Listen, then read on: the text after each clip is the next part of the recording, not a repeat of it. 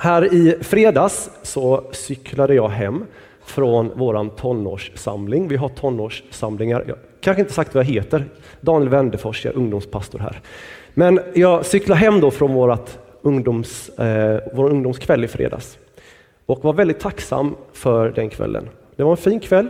Det hade kommit ett bra gäng med ungdomar och eh, de hade skött sig själva och eh, haft roligt tillsammans och jag hade inte behövt ligga på dem en massa och hålla igång dem. Fantastiskt. Och så cyklar jag hem. Det börjar bli mörkt ute nu också på kvällarna, har ni märkt det? Sådär riktigt härligt. Och så tittar jag på gatlyserna och så rätt som det är så är det ett av gatlysena som är trasigt. Och då kan man tänka, det var slarvigt av kommunen att inte underhålla belysningen. Men det jag såg i det trasiga gatljuset, det var en klar stjärnhimmel. Och det såg jag inte när gatljusen runt omkring lyste. Så jag passade på när jag kom hem. Jag ställde mig och tittade upp lite på stjärnhimlen. Såg det där enda stjärntecknet som jag känner igen direkt som heter Karlavagnen. Om ni känner igen det som en båge som går så här på himlen. Och sen är det fyra stycken stjärnor, ser ut som en vagn. Och följer man de här två stjärnorna i en linje rakt upp så kommer man till, vadå? Är det någon som vet vilken stjärna? Nordliga stjärnan, Polstjärnan. Det är den stjärnan som lyser i norr och som sjöfarare har navigerat efter i århundraden. Samma stjärnor, kanske, som Abraham tittade upp på när Gud gav honom ett löfte. Och vi ska dit i bibelordet idag. Vi ska till Abraham det är så, jag råkade tänka på stjärnorna och så tänkte jag Abraham, han fick se på stjärnor. Och så tänkte jag också att jag kanske skulle skrivit en modern version av Bibeln som lät ungefär så här. Att Gud sa till Abraham, se på stjärnorna, men han såg inte på grund av all gatubelysning. För så var det för mig. Jag såg inte på grund av all gatubelysning. Sen säger Gud också, se på sanden, och så tänkte jag, det kanske inte är så länge man får gå på stranden och se på sanden, för strandskyddet kanske är borta snart. Och snart är det privat egendom med staket runt varenda strandsträcka. Vem vet? Men Abraham han såg stjärnorna. Och Gud gav honom ett löfte. Och det här är inte huvudtexten jag ska predika över, men vi läser den första löftet här som Abraham får när Gud kallar honom ifrån kapitel 12 i Första Mosebok. Och så läser jag ifrån eh, vers 1 till 3. Och då heter inte Abraham Abraham, han har ett annat namn som är Abram. Och Herren sade till Abraham, gå ut från ditt land och din släkt och din fars hus och bege dig till det land som jag ska visa dig. Där ska jag göra dig till ett stort folk och jag ska välsigna dig och göra ditt namn stort och du ska bli en välsignelse. Jag ska välsigna dem som välsignar dig, förbanna dem som förbannar dig. I dig ska jordens alla släkten bli välsignade. Det här är första löftet som han får. Och sen får han ett till i kapitel 15 och vi läser det också. Så första Mosebok kapitel 15, vers 5 till 6. Vi håller det kort. Sedan förde han ut och sade, se upp mot himmelen och räkna stjärnorna om du kan räkna dem. Och han sa till honom, så ska din avkomma bli. Och Abraham trodde på Herren och han räknade honom det till rättfärdighet. Här har vi löftet. Det första, att alla folk ska bli välsignade genom dig. Och det andra, se på stjärnorna så ska din avkomma bli. Och så sitter du och jag här idag. Och Paulus skriver i Galaterbrevet att i Kristus är vi Abrahams avkomlingar. Vi är arvtagare enligt löftet. Vi tillhör Guds folk, vi som tror på Jesus. Så det här löftet om att bli ett stort folk som ska få välsigna alla andra folk, det gäller oss. Vi är det folket som får välsigna hela världens folk. Och du som har hört mig predika har säkert hört mig beröra det här vid flera tillfällen. Och jag kommer upprepa saker ibland. Jag har varit här i sju år. Det är omöjligt kanske att hela tiden ha nya predikningar. Men upprepning är bra. Att vara till välsignelse. Sen kommer också löftet om att han ska få många avkomlingar som himmelens stjärnor. Så dels är välsignelsen att du ska få vara till välsignelse och dels är det ska vara ett stort folk. Nu säger jag det som jag sagt förut också. Om du tittar jämte dig och sen ser du, är det en tom stol jämte dig? Ja, en del har en tom stol jämte sig. Då finns det plats för fler, eller hur? Det finns plats för fler i Guds folk. Det är inte stängt. Himmelens stjärnor går inte att räkna. Det finns plats för fler. En tallös skara står det om i Bibeln. Det finns fler. Men då är frågan, vad är vägen dit? Och här kommer vi ha huvudsaken av texten idag. Därför att det är inte helt enkelt att gå bara en rak väg, inte ens om man heter Abraham och har Guds båda löften i ryggen. Abraham han försöker nämligen lösa det här själv. Det här problemet att han är gammal och hans fru var ofruktsam. Och så försöker de lösa det genom att men du kan få barn genom min slavflicka. Någonting som var vanligt runt omkring, att man såg sina, sina tjänstefolk som ägodelar och som man kunde använda och då kunde husmor få barn genom slavinnan. Så Abraham tänker, det går inte, Guds eh, väg och Guds löften kommer inte kunna ske, så vi löser det här på egen hand och så gör de det och Ismael föds. Men det var inte Guds väg, det var inte Guds plan och det var inte Guds tanke. Gud hade lovat att Sara ska få en son. Det var det löftet gällde. Och genom den sonen, genom Isak, säger Gud, så är det som löftet kommer gå i arv. Och så blir Sara avundsjuk och det blir familjeproblem och så till slut så fördrivs Hagar, som slavinnan hette, och Ismael. Men Gud är trofast även mot Hagar och räddar henne ur nöden. Och så kommer vi in direkt efter det här i det som jag ska läsa nu. Och ni får gärna följa med och ni får gärna stå upp tillsammans för nu blir det litet, du som kan, var med och stå upp så ska vi läsa ett rejält stycke nu ur Bibeln. Så i respekt för Guds ord kan vi stå tillsammans och läsa ifrån Första Moseboken kapitel 22. Jag läser. En tid därefter satte Gud Abraham på prov. Han sa till honom Abraham. Han svarade Ja, här är jag.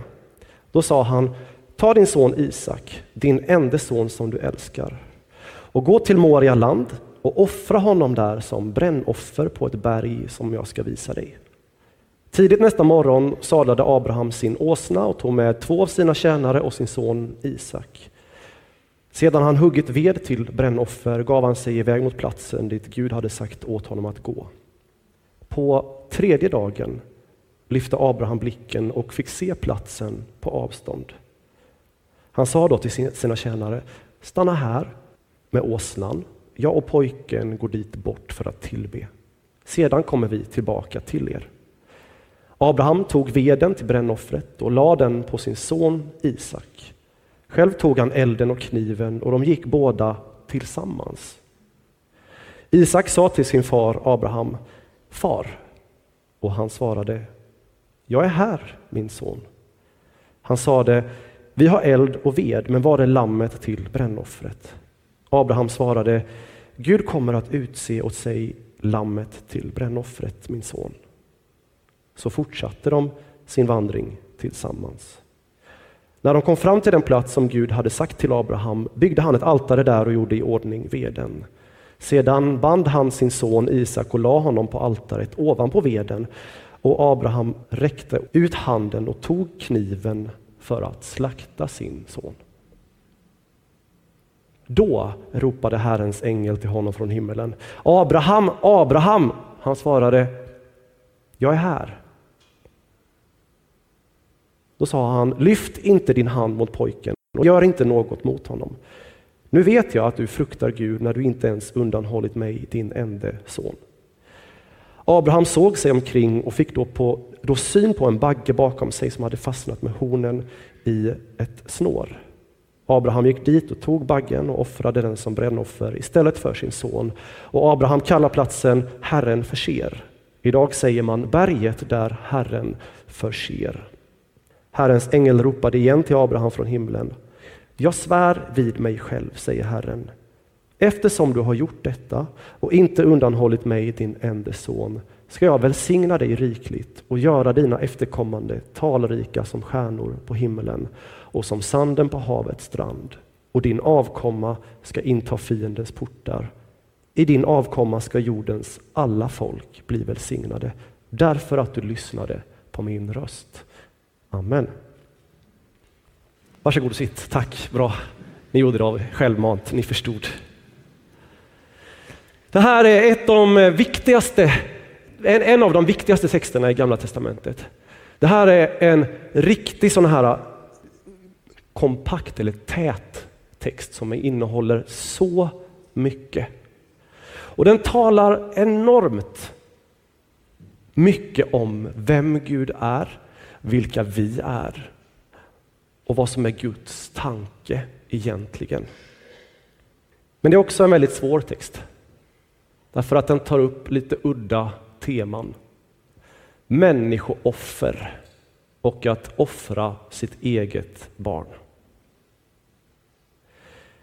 Det är inte helt, när Abraham får den här befallningen av Gud, så ja, vi kan börja vers 1, om vi tar lite vers för vers, får se om Isak, du kan hänga med uppe på bilden också. I vers 1, när Gud kommer och så, så säger han Abraham, tilltalar Abraham med namn. Och Abraham svarar inte då, han svarar inte jag är upptagen, vänta. Eller hur? Eller jag har fullt upp med annat, jag hinner inte med. Du får vänta ett tag Gud. Nej, när Gud svarar så har Abraham lärt sig att svara, eh, när Gud säger, kallar, så svarar Abraham, han har lärt sig att svara, här är jag. Det, det är ett bra svar. Här är jag.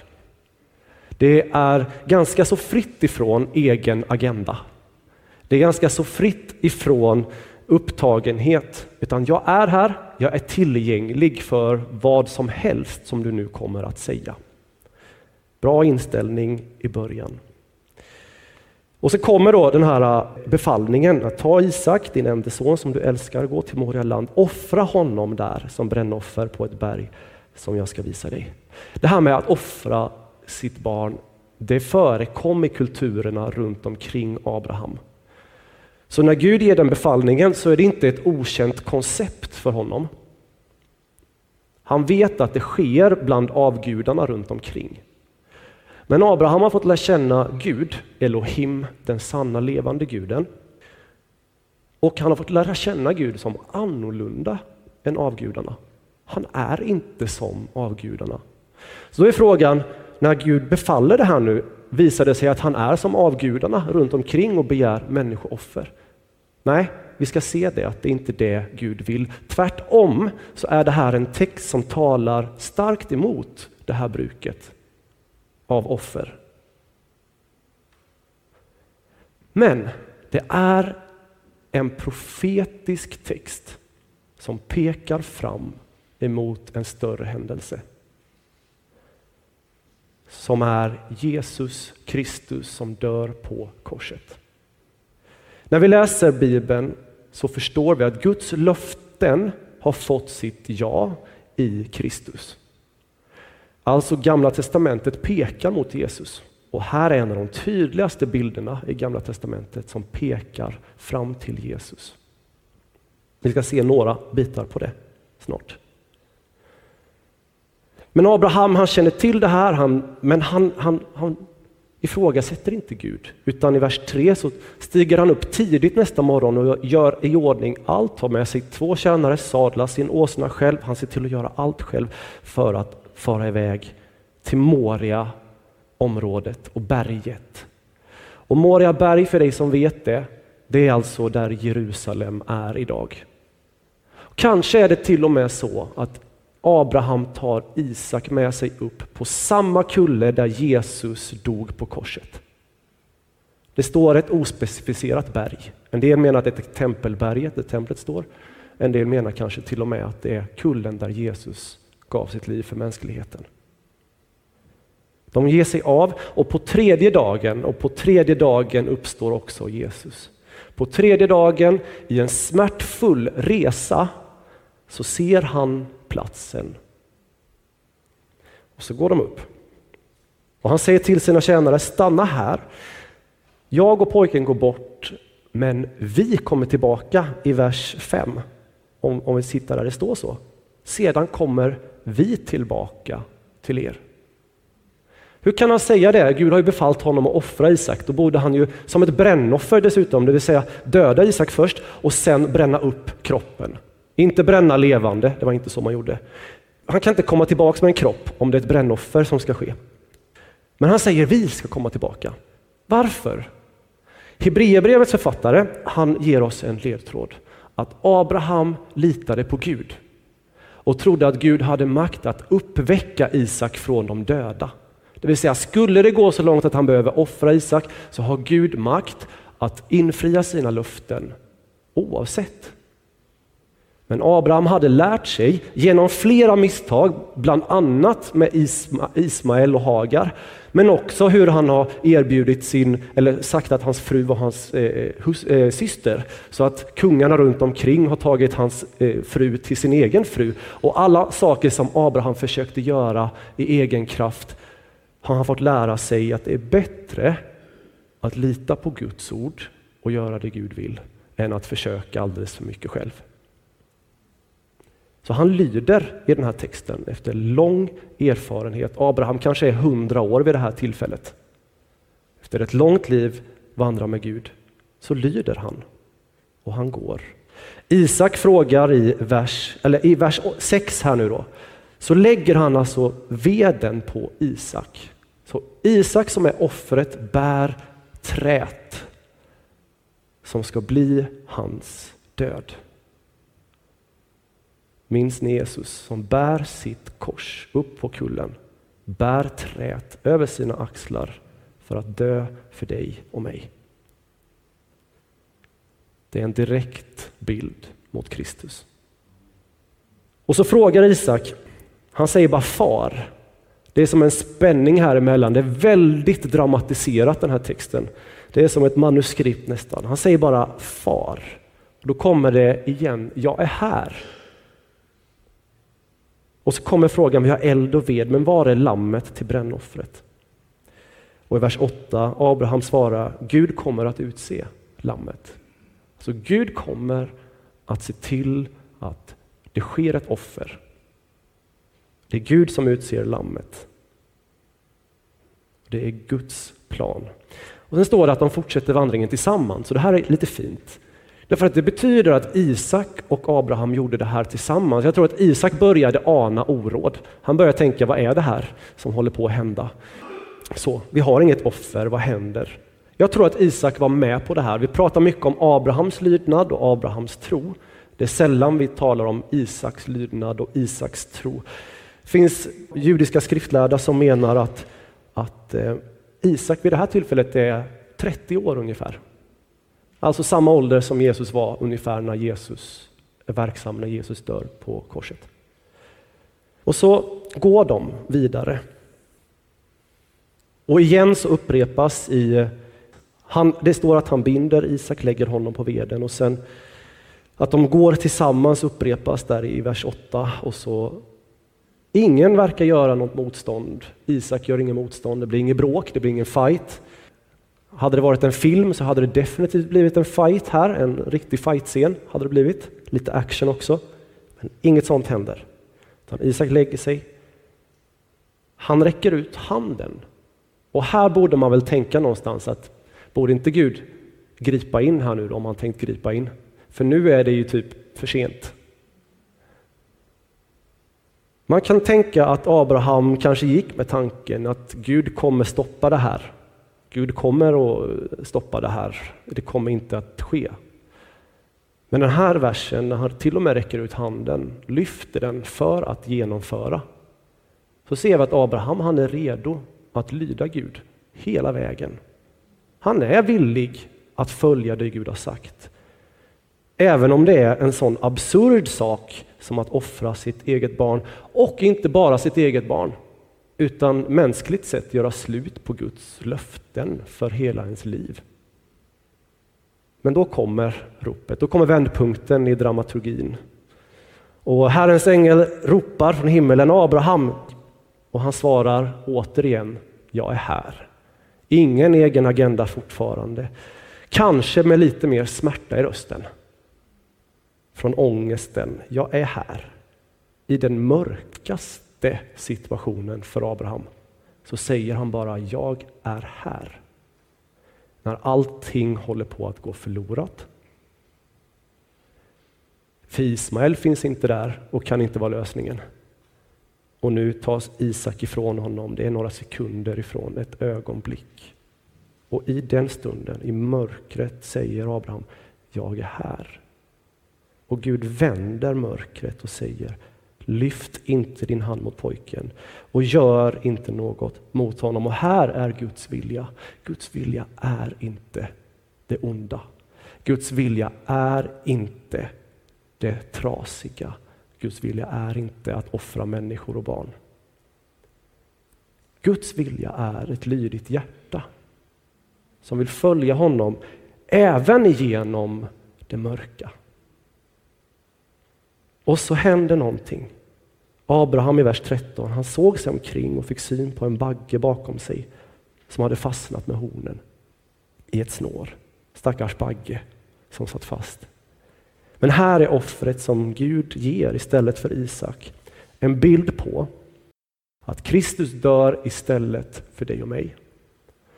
Att vi skulle varit de som blir offrade. Våra liv har gått förlorade på grund av synden, men Gud utser ett annat offer enligt hans plan och tanke. Jesus Kristus dör på korset för dig och mig. Och vi får gå fria och bördan får lyftas av våra axlar, veden får brännas upp och vi är fria. Det är Herren som förser, i vers 14. Platsen kallades Herren förser, eller berget där Herren förser. Och att ge namnet en plats blir en ständig påminnelse för Abraham att varje gång han ser på en karta med den punkten så kommer han ihåg att Gud förser. Glöm inte att Gud förser. Gud är den som ger. Sen svär Herren vid sig själv. I vers 15 så ropar Herrens ängel igen och vi går in i avslutningen här. Jag svär vid mig själv. Eftersom du gjort detta och inte undanhållit mig din enda son så upprepar Gud löftena, de här två löftena.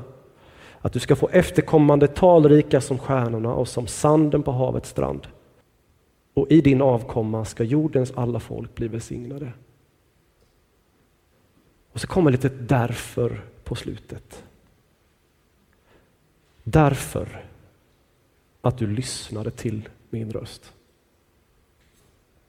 Gud kallar ett stort folk som lyssnar till hans röst. Och som är beredd att följa honom igenom allt, igenom hela livet. Oavsett vad livet innehåller, oavsett om det är i dalen eller på berget.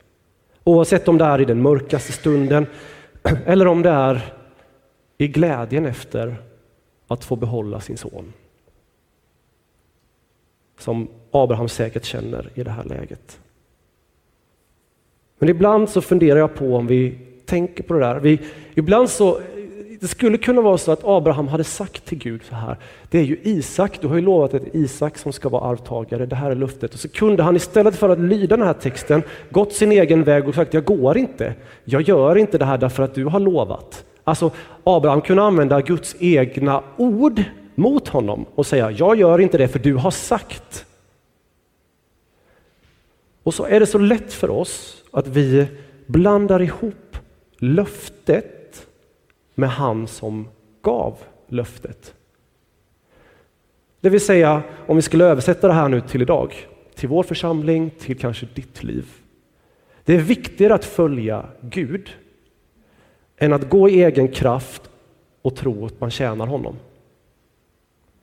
Alltså, när vi bygger församling, när vi är Guds folk, när vi ska leva upp till de här löftena, så kan vi titta på vägen till att bli ett stort folk, eller vägen till att välsigna människor runt omkring oss. Och så kan vi sätta den vägen och den metoden som det absolut högsta. Och så kan vi sluta lyssna på Gud. Och så kan vi gå i vår egen väg. Sen säger vi, vi lyssnar inte på dig Gud om du säger någonting som vi tycker låter konstigt. Eller hur? Eller som låter annorlunda än vad jag är van vid. Eller som skulle innebära alldeles för stor förändring. Eller som, eller som, eller som. Abraham har inga ursäkter, men vi har gott om ursäkter. Tillbaka till lamporna. Jag tror att vi bygger våra liv som vi bygger våra städer. Det är mycket ljus som stör så vi inte kan se och påminna oss om vad som är Guds vilja och Guds löften. Och frågan är i mitt liv, vilka gatlampor är det jag behöver släcka för att Gud ska bli synlig och hans löften ska få bli tydliga i mitt liv? Vad är det som jag behöver vara villig att göra upp med? Villig att lämna på berget Moria? För det var Abraham redo. Han var villig att lämna Isak. Han trodde att han skulle komma tillbaka med Isak, men han var villig att lämna Isak. Och så var det någon som sa så här, och jag tar det på engelska. Grattis ni som talar engelska. Often there are believers who wonder how they may know the will of God.